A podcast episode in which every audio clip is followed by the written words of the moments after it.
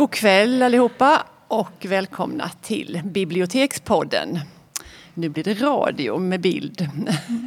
Och vi som sitter här framme det är min kära kollega Jeanette Malm. Ja, hej hej. Hej.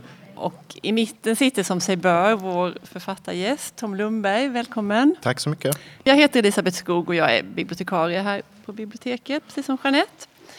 Eh, Hela Halland läser är ett projekt som har hållit på i några år och det är ett samarrangemang mellan Hallandsposten, Hallands Nyheter och Region Hallands biblioteksavdelning. Eh, Varje år sedan fyra år tillbaka väljs en, en skönlitterär bok ut som ska vara liksom Hela Halland läser-boken. Och det har varit ett ganska brett spektrum. Av, första året var det Silla Naumans bok som utspelar sig här i Steninge-trakten. Eh, sen så var det Kristoffer Karlsson som skriver deckare med Hallands anknytning, en del av dem. Och han är själv härifrån. Eh, förra året var det poeten Ingela Strandberg. Och i år har Tom Lundberg och hans bok blivit utvalda till detta fina. Hela Halland läser. Vi ska ha ett samtal tillsammans, vi tre här. Vi har förberett frågor och snackat ihop oss. Och nu kör vi igång. Du har ju fått väldigt goda recensioner för den här boken som heter För vad, sorg och smärta. Och du har fått en del fina priser, bland annat Borås Tidnings debutantpris. Där är du ju ett väldigt gott sällskap. Ja, faktiskt. Ja, det kändes konstigt. Men eh, det har inte riktigt landat än. Nej, Men det gör nog det snart. För du har också sagt att den här berättelsen den är tidigare oberättad. Och då tänker vi så här, hur kom det sig att du axlade den rollen att bli den som berättade? Jag har ju berättat en del av den här berättelsen kan man väl säga. Sen, finns, sen har jag inte, jag har inte berättat om andra släkter än de jag själv tillhör. Och mycket är ju anonymiserat påhittat och sådär. Och sen, för det, det, det, är, det är just det där att eh, det finns en del eh, tabun hos resanfolket, romanifolket, bland annat att man inte ska berätta och att man ska inte prata om man är utanför gruppen och så. så men, för mig handlade det om att eh, jag växte upp liksom väldigt nära min eh, släkt och, eh, och det var aldrig några konstigheter. Men sen flyttade vi till Osby och då, då sa mina föräldrar till mig att du ska vara väldigt stolt över ditt ursprung men du ska aldrig berätta om det för någon. Just för att man visste vad som kunde hända då. Eh, och De hade fått lära, eh, lära sig det av sina föräldrar. Eh, Så då blev jag väldigt bra på att så här, förställa mig och byta mask och hitta på vem jag var för att passa in. Och, eh, eh, och det där höll jag på med. Eh, Och så kom jag till Handelshögskolan i Stockholm och började plugga där. Och eh, kunde inte hitta någon mask som var liksom rimlig. Jag förstod inte koderna överhuvudtaget. Och, och då, eh, allt det där som jag hade försökt, eh, liksom, jag hade sprungit framåt hela tiden och bär man mycket identiteter och mycket masker så blir det, det blir rätt tungt att bära när man springer framåt. Liksom. Så till slut så eh, kraschade jag och gick in i en depression som kom att vara fem år faktiskt. Men efter, efter ett, två år där någon- någonstans så efter lite medicin och jag hade börjat gå i terapi så sa min terapeut till mig att kan du eh, fundera på vad det var som skänkte, skänkte dig glädje när du växte upp? Och då var det alla berättelser jag hade hört om vårt folk och språket och skrivandet och sådär. Så när jag började skriva den här boken så var det egentligen eh, av någon slags självbevarelsedrift. Det var för, för att läka liksom. Sen kom det en massa andra ärenden längs vägen men det första var att det var en privat anledning egentligen varför jag gjorde det. Så. Det är säkert jättemånga här som har läst boken men i alla fall, kan, vill du berätta lite grann om liksom, vad är det för en bok och vad handlar den om? Och lite så. Ja, den, den heter ju Förvar, sorg och smärta och den handlar om eh, eh, resandefolket på 50-talet i Halland. Eh, och sen är det då, eh, får man följa en påhittad fiktiv familj eh, och framförallt de två sönerna i den familjen under ett par år. Och så går de olika öden till mötes. Och sen instucket i, i den här berättelsen så är det, det är varvat med gam, väldigt gamla berättelser som eh, som jag både har hört under mitt liv när jag växte upp och senare och även samlat. Så det kan vara berättelser från 1700-talet till exempel och sådär. Och eh, så egentligen handlar den väl om vikten av att eh, känna sitt ursprung, känna till sina berättelser mm. och, få, och få äga dem, få äga sina egna berättelser. Det, det är väl egentligen det jag tycker att den handlar om. Mm. Hur kommer det sig det här att den hamnade i, att du förlade den till Halland? Det vill vi veta här då. Ja, precis. Ja. Ja, men jag har, eh, dels är det ju att jag har en stor del av min släkt bor i Halland. Och eh, bakåt i tiden har alla bott i Halland i alla fall någon gång. Och om man kollar i, som i min släktforskning sådär, och, som jag inte har gjort för mycket, jag har väl mest tagit del av andras liksom, men Eh, om jag går tillbaka i olika grenar så kommer lite längre tillbaka i tiden så ser det ut som att alla har dött i Torup faktiskt. Åh oh, nej! Farlig plats. Ja, precis. Undviker vi Torup. Ja. Men det finns en rad anledningar varför den här berättelsen eh, bör utspela sig i Halland tycker jag. Dels så eh, Halland har historiskt och när jag säger historiskt nu så menar jag kanske ända tillbaka till 1600-talet. Så har Halland varit eh, eh väldigt tätt på eh, människor som tillhör resandefolket, romanifolket, av olika anledningar. Eh, på 1700-talet till exempel så eh, om man skulle resa över landskapsgränser i Sverige så man fick inte bara resa från Småland till Skåne för då blev man ju haffad för lösdriveri. Man behövde respass eh, i tidigare historien. Och eh, det respasset kunde man få till exempel om man blev borgare i en stad. Och då fanns ju Falkenberg till exempel. Mm. Och eh, för att bli eh, borgare i en stad så behövde du ha två stycken som eh, intygade att, som redan var borgare där, som intygade att det här är en bra person. Och sen behövde du en bit mark. Och om man då hade liksom 56 kusiner som var borgare i Falkenberg så blev det ganska enkelt att, att ta sig dit. Och så fick man det där respasset och då kunde man åka runt och bedriva handel och arbeta som man, som man gjorde. Sen finns det andra anledningar. Det var eh, ett regemente som låg där eh, som var förlagt utanför Varbergs fästning under en längre period. Jag tror det var Hamiltons regemente.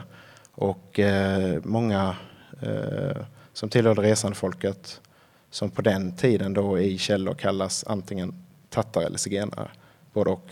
Eh, de, eh, de var väldigt mycket i soldatyrket och blev, blev rekryterade dit. Där.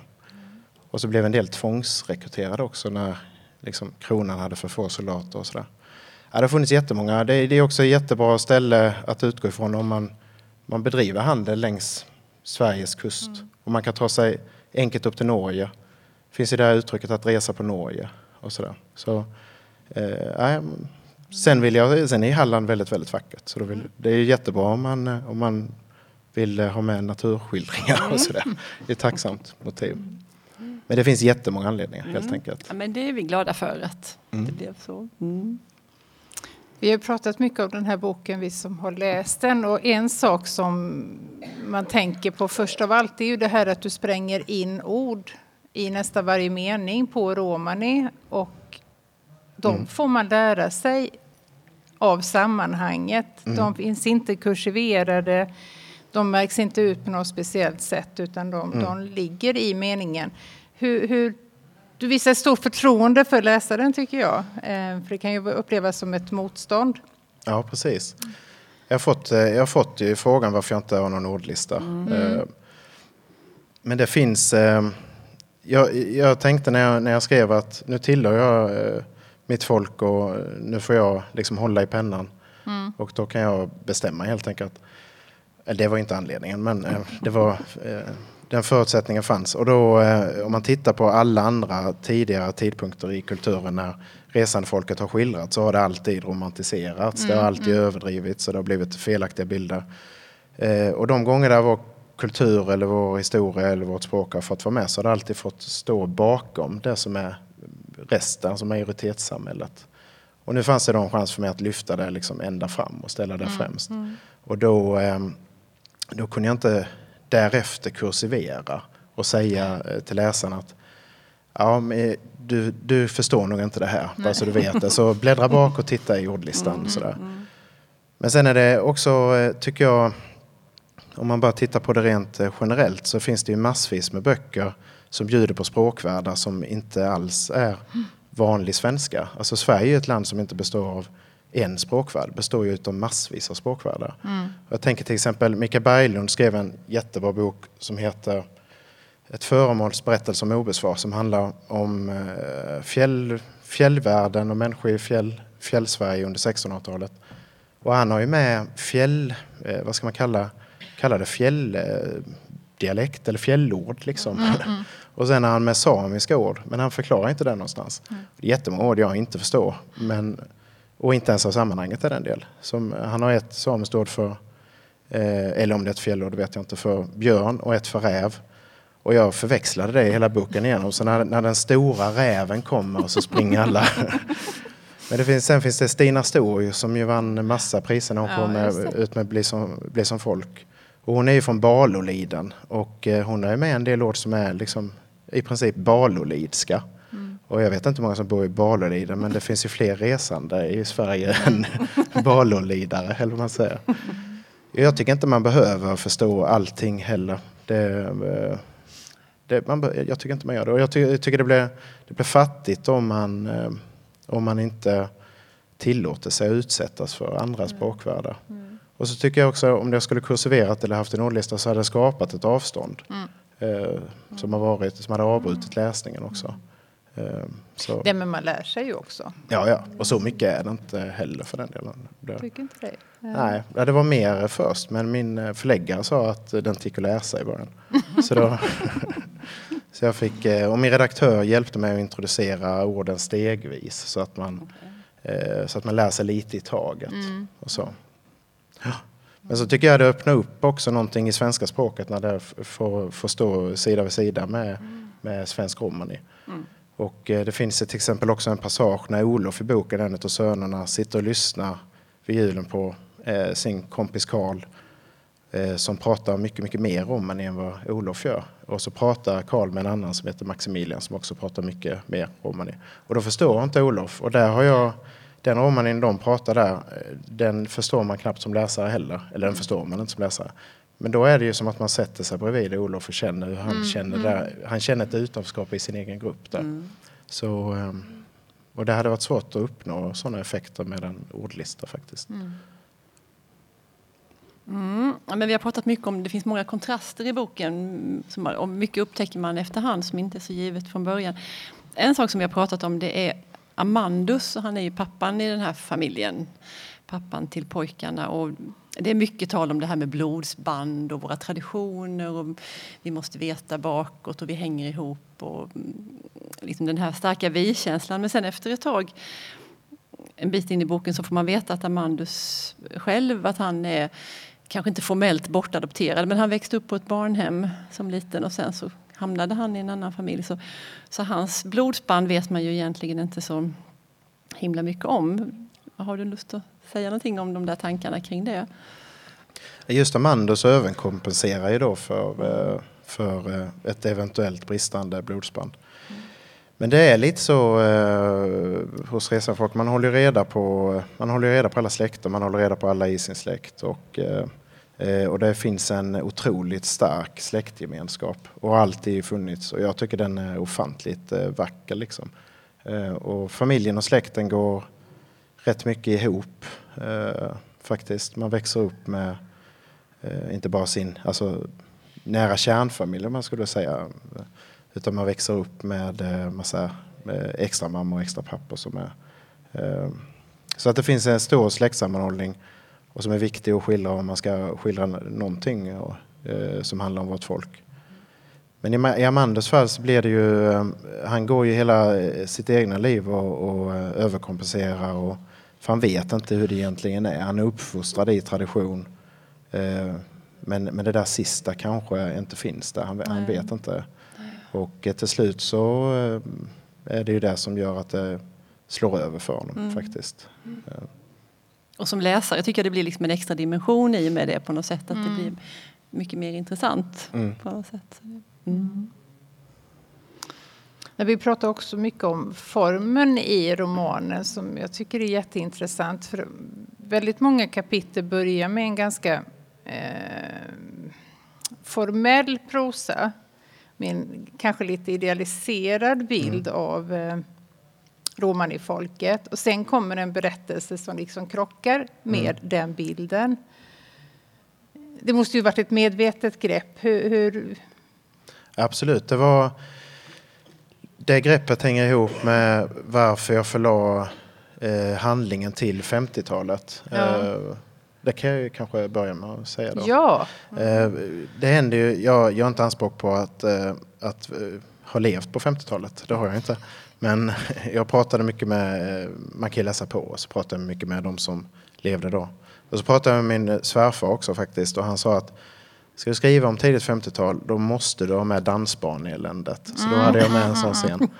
Eh, och han, eh, eh, nej men under 50-talet så hände det ju någonting i Sverige. Moderniteten kommer och man br- brukar tala om det som att alla skulle få vara med på den resan. Alla skulle få, få del av det moderna. Det var nya platsbyggda kök och det var liksom allt möjligt. Så.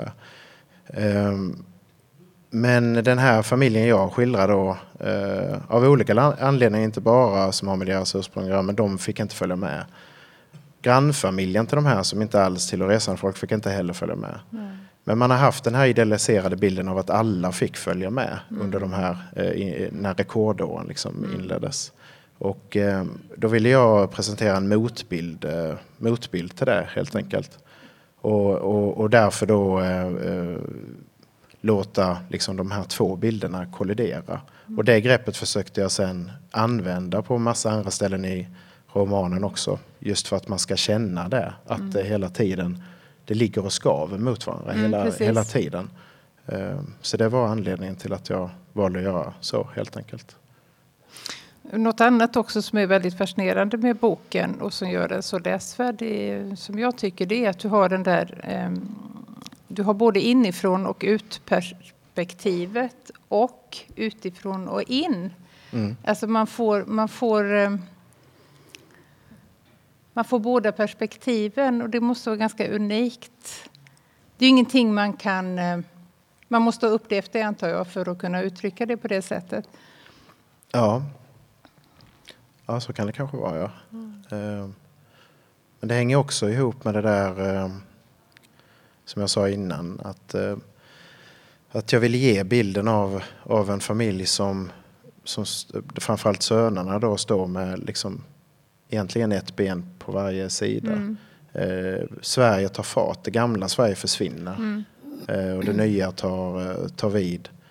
Och eh, kommer man att få åka med på det eller inte? Och man, eh, Olof i boken försöker ju liksom Mm, mm. sträcka in ett ben där och försöka få, få, få vara med. Liksom. Eh, så eh, det hade inte gått att skriva, det hade inte gått att skriva den här berättelsen helt isolerad, alltså bara skriva om resande folket. Nej. Utan, utan det behövs ju kontrasten mot, eh, mot det övriga samhället. Och också de här, eh, det behövs också de här bilderna där det faktiskt är rätt tydligt att man också är i samhället. Mm. Eh, Men det behövdes ändå den där uppdelningen. Och båda sidorna behövdes. För, Jag fastnade speciellt för ett ställe som blev så eh, som åskådliggjorde det här väldigt tydligt. Det är när Amandus, då, den här patriarken, han tar på sig, eller han använder sin söndagskostym varje dag. För då betyder det att han är ingen som behöver lönearbeta.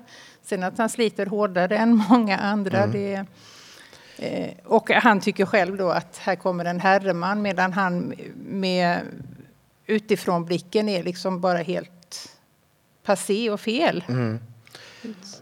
Ja, äh, ja, det är lite, lite dubbelt där egentligen. För om jag tittar bakåt så där. eh, eh, Så alla resande har ju förr i tiden, all, alla har ju klätt sig väldigt bra. Den där konstiga bilden av att det skulle vara slashasar och trashankar och sådär. och är ju helt fel. Det, det, är ju inte, det är inte vi utan det är de där andra som också räknades in till vårt folk för att de liksom hade samma vä- förvärvssätt och så vidare. Så, ehm, ehm, så i hans värld så, så behöver han vara klädd så om han ska ha en chans att eh, göra affärer med människor i storsamhället helt enkelt. Och sen kanske det blir eh, ändå utifrån en bild av någon slags den där gammaldaxa bilden av vagabonden som går omkring i liksom fin kostym som Selma till, exempel- eh, till exempel har med i massa böcker och sådär. Men, eh, men jag tror att i hans värld så, så klär han sig så som han har växt upp med att man ska göra. Man ska vara presentabel och, och eh, eh, kunna mottas liksom.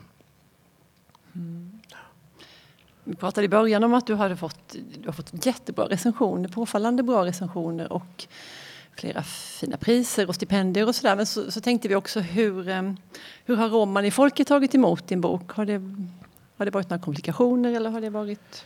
Ja. Ja, jag, jag har fått jättemycket, jätte, jätte, jättemycket mail, eller vad man nu får. Nu för tiden får man Facebook Messenger-meddelanden, jag vet inte. Men jag får jättemycket kommunikation mm. från andra resande då. Och eh, det rör lite olika grejer. En sak då till exempel är just att boken heter Förvad, sorg och smärta. Och jag låter ju, jag låter ju Severina skriva den visan i, i boken. Men mm. egentligen är det ju en visa som finns. Som eh, alla resande har hört och mm. väldigt många har sjungit och alla älskar. Mm. Och den skrevs av min eh, eh mormors farmor, tror jag Eh, har jag hört. Och sen har jag fått, från att boken kom ut för ett år sedan, har jag fått ett mejl i veckan där någon säger att Ja, det är en jättebra bok, men du har fel. Det var, det var alltså min, most, min mormors mosters eh, före detta mans eh, barnbarn som skrev den. Mm. Och så får jag, så jag, det, det, det, är en sån där kommunikationsgrej. Mm. Men det är jättefint om alla, alla har varit med och skrivit den. Det är ja. desto finare. Mm. Men en annan grej hänger ihop med det jag själv fick lära mig att, eh, att vara väldigt stolt men aldrig berättade. Och den där känslan av att, att nästan slitas isär av det där och till slut slets jag isär. Men just det där motstridiga mellan att ena sidan vara stolt men andra sidan lite skämmas. Eh, och då är det jättemånga som har mejlat mig och sagt att eh, jag växte upp precis som du men nu när jag har läst din bok så gick jag in till mina barn och så sa jag till dem att du ska vara, ni ska fortsätta vara väldigt, väldigt stolta men nu får ni också berätta. Och det är ju otroligt eh, förlösande faktiskt. Alltså vet man hur, var kommer det där tabuet ifrån? Att man inte fick liksom berätta utanför, man fick inte prata språket mer än med varandra. Och liksom hur... ja, men resandefolket har ju varit i Sverige sedan... Eh, alltså mina linjer går ju tillbaka till tidigt 1600-tal. Mm. Eh, sen, sen blir det ju svårt att hitta källor. Första uppteckningen är ju 1512 och det, det är just resandefolket. Det är ju inte någon av de andra grupperna som också räknas in i minoriteten romer, där vi ju är lagda nu då, även om det är många som inte vill det. Det är ju jättemånga äldre som inte gillar att bli kallade romer. Liksom. Och det är ett nytt ord dessutom. Mm. Men eh, under alla de här hundra åren så har ju eh, mina förfäder eh, de har tjänat i svenska eh, militärmaskinen och de har eh, varit borgare i städer och de har varit handelsmän och handelskvinnor. Eh, och allt möjligt. Men, men det, det, där har alltid bara funkat så länge de inte har avslöjats. För när de väl har avslöjats så har det kommit eh, eh repressiv lagstiftning historiskt. Eh, det fanns något som kallas Tattaplakatet som jag tror det var 1600-tal, sent 1600-tal, där alla som då kallades zigenare, män eller unga pojkar fick hängas utan att, eller dödas utan att man mm. gjorde något. Men går man tillbaka i lite mer modern tid så eh, har det varit sedan slutet på 1800-talet ständiga registreringar. Eh, alla har ju, alla har ju liksom en akt. Där, även om de är tre år gamla så står det mm. längst ner har så vidare undersökningen eh, kunnat styrka inte begått något brott. Och då är, och sen så eh, när man väl i början på 1900-talet, när nästa grupp då som ingår i den här romska minoriteten, kalldrasromerna då som är Katarina Taikon till exempel.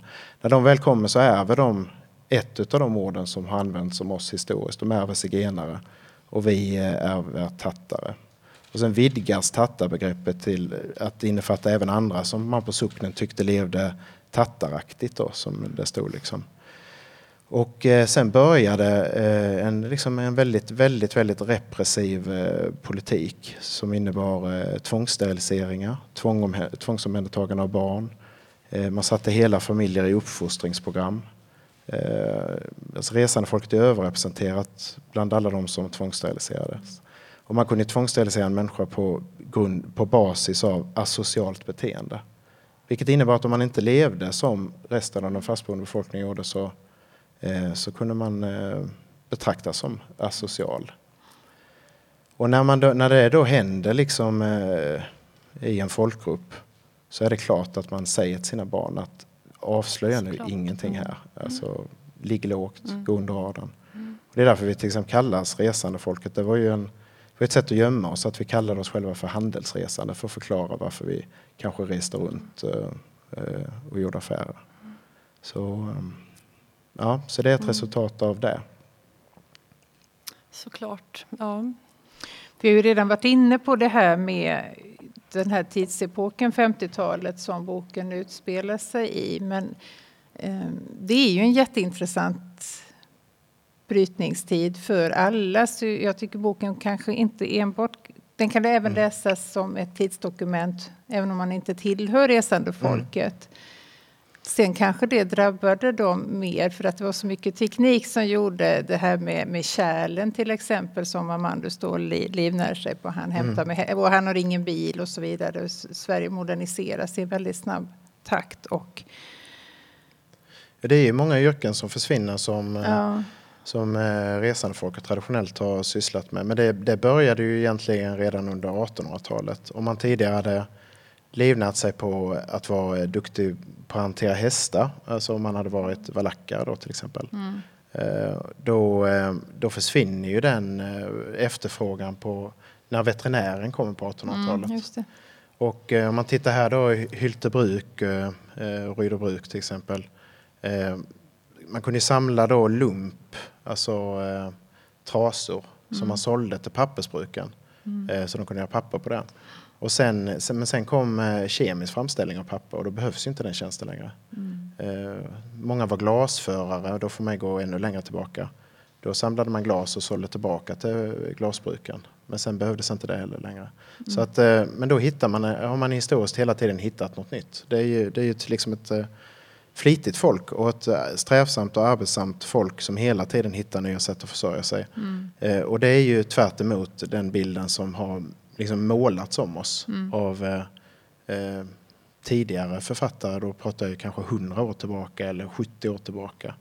Eh, så det är väl på tiden att man också eh, pratar om det på det viset. Liksom. Mm. Så. Men din fråga var, eh, jag hörde 50-talet. jag hoppade. Ja men det händer mycket, absolut. Och, eh, Nej, men jag menar också att det är ett smart grepp och, och förutom alla de här andra anledningarna att du ville belägga det historiskt. Att mm. det, det, blir, det blir väldigt tydligt. Ja. Eh, just den här eh, Amandus som är kvar då när, när den gamle kungen dör. Det är en väldigt rolig scen. Ja. Ja, och då, då är liksom hur, hur ska det gå för att han har varit en sån konstant och nu är mm. han borta och vad, vad, kan mer hända? Vad får detta för mm. effekter mm. för mig? Ja, Amandus är en karaktär som, som vi pratar om, som överkompenserar. Mm. Så när kungen dör, då tycker han att nu kommer det moderna samhället och helt ta över. Och det är ja. det hans värsta mardröm. Ja. Ehm, så, eh, men den, den scenen hade jag också med just för att visa de långa banden. Alltså, resandefolket har ju funnits i Sverige längre än nästan Sverige har varit Sverige. Eh, faktiskt. Så att eh, det blir ju eh, eh det, kungakära har, det har alla varit. Jag växte upp med liksom stora tavlor på hela kungafamiljen. Jättekonstigt tycker jag nu. ja. så det, man har haft en identitet, man har ett etniskt ursprung som inte är eh, som, som inte alla har i Sverige såklart. Och man har haft en identitet men man har ju alltid också eh, varit svensk liksom, mm. skulle jag säga. Det kanske, jag kan inte prata för alla men det är så jag upplever det i alla fall. Mm. Det är inget konstigt. Så. Mm. Något annat som vi har pratat om när vi har diskuterat den här boken det är att det finns vissa scener i den som man lite tillspetsat skulle kunna säga att de bekräftar de fördomar som man eventuellt har. Och den ena scenen är den där med, med ormen och hästen. Du mm. kan berätta den. Ja, men det, den, den scenen är ju, är ju en skröna som berättas mm. i boken av de här, den, i, av de här, de är påhittade de här personerna som det handlar om. Och det är en skröna som då ska ha hänt för väldigt länge sedan. Eh, att, eh, man är, när, på den tiden när man eh, eh hade hästar, resandefolket älskade sina hästar och det var ju det värsta som kunde hända om, om, eh, om något hände med hästen för då tappade man ju all försörjningsmöjligheter också. Eh, och då, då är det en skröna att en häst blir biten av en orm på, jag tror det är en greves, nej det, det, det är en storbondes mark. Mm. Och då hämnas man genom att bränna ner storbondens lada. Det är väldigt tillspetsat. Är det. Mm. Eh, men, men jag pratade med Maria Ehrenberg då, mm. Region Halland, om, om just sagor och, och skrönor och sådär. Mm. som fungerar eh, som att man, eh, man berättar ju det för att barnen på något sätt ska komma ihåg det man säger till dem. Det, det är nästan den enda pedagogiken som funkar. Och då, eh, då sa hon att eh, i, muntliga, i, i grupper av väldigt stark muntlig tradition så blir sagorna väldigt tillspetsade. Mm. Just för att annars så kommer man inte ihåg dem helt enkelt. Så det där är ett exempel på det.